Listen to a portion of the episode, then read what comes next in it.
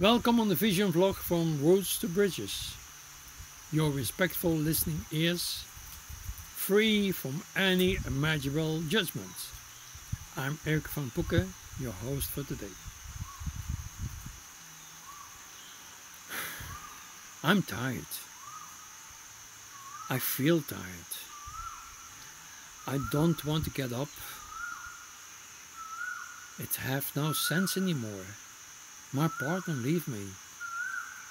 I don't want to live anymore like that.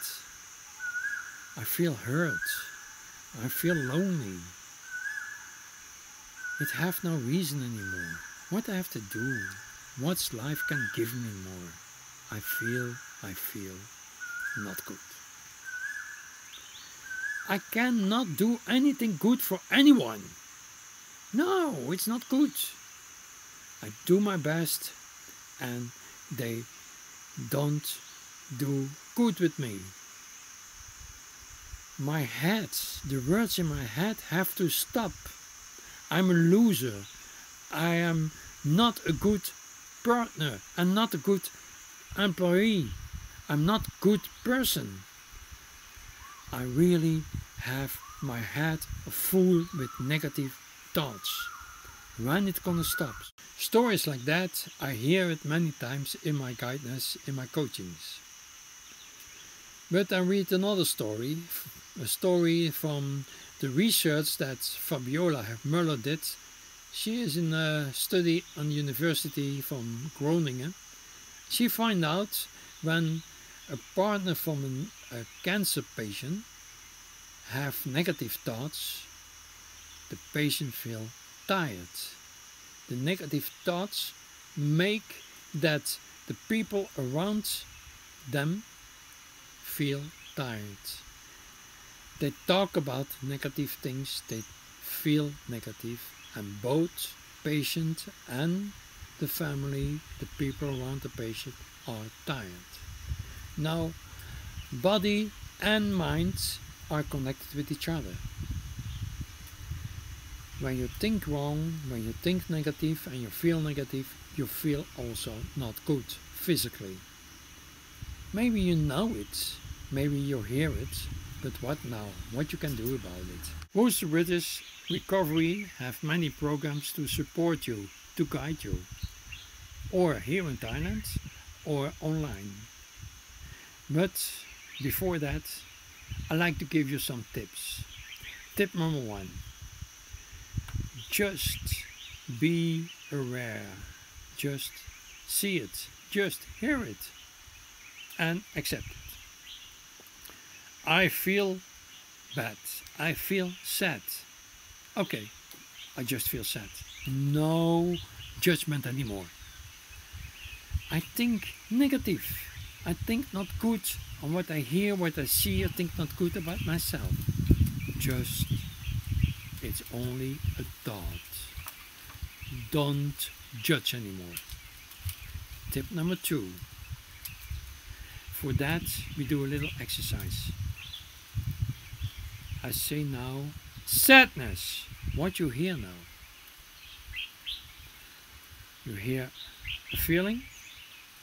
You hear the feeling with thoughts? No, no. Going to say it again because that is not, not what I want to hear now. Sadness. What you hear now. A word? That's okay. But it's not what I want to hear. Sadness. Yes, it's only a sound, something that I make with my voice. Only that. And you give a meaning, it's a word. You give a meaning, it's a thought. You give a meaning, it's a feeling. So you decide what the sound means. You decide how hard the feelings are, how bad the thoughts are. No one else, only you. So see it, observe it, and second, you decide. Okay, tip number three change it. Change it if you not want to be sad, what you want then? Have rest, be happy, realistic from sadness to happy or feel good. You decide it and change it in something positive. Look out also for do I have to be sad here? That's tip number three. You have to be sad here. Have to be feeling like that now. Is it realistic with what I happen with me or what I see or what I hear around me? Now?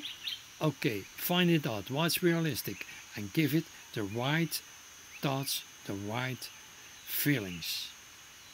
And at last, give yourself time to learn.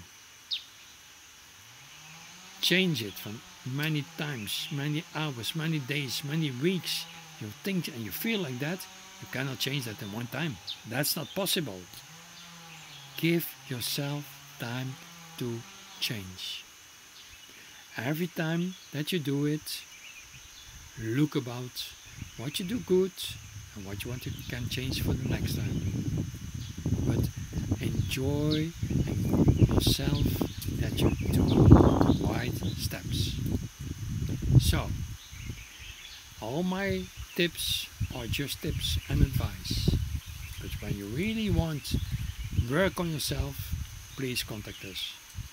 Send us a mail on contact at r-to-b.com